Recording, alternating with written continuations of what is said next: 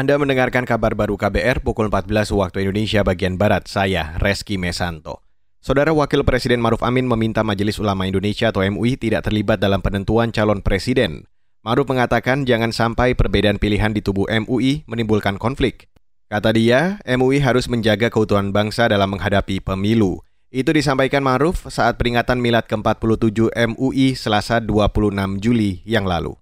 Oleh karena itu saya sering mengatakan kita jadikan prinsip yang kita sudah lakukan yaitu lakum capres suku walana capres sunnah. Capres ente, capres ente, capres saya, capres saya. Dan tidak perlu terjadi benturan-benturan. Dan Majelis Ulama dan Ormas tidak terlibat dalam menentukan calon presiden dan wakil presiden. Dan yang menentukan itu adalah partai politik atau gabungan partai politik. Jadi kita tidak perlu ribut-ribut urusan capres.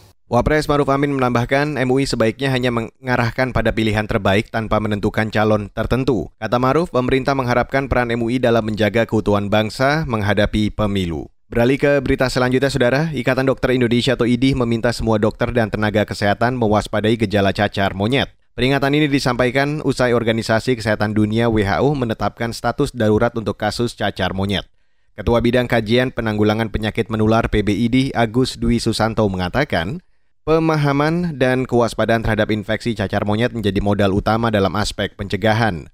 Upaya untuk menghindari kontak dengan pasien yang diduga terinfeksi merupakan kunci pencegahan yang dinilai paling efektif. Selain itu, perlu juga upaya surveillance dan deteksi dini kasus aktif, sehingga bisa dilakukan karantina untuk mencegah penyebaran yang lebih luas.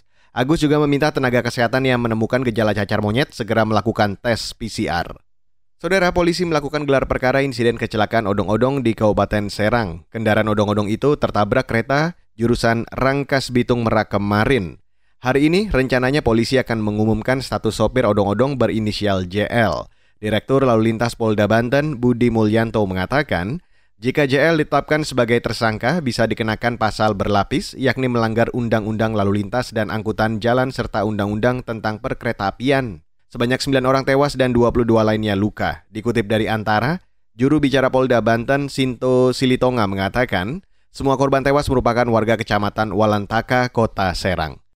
Dan saudara, demikian kabar baru saya Reski Mesanto.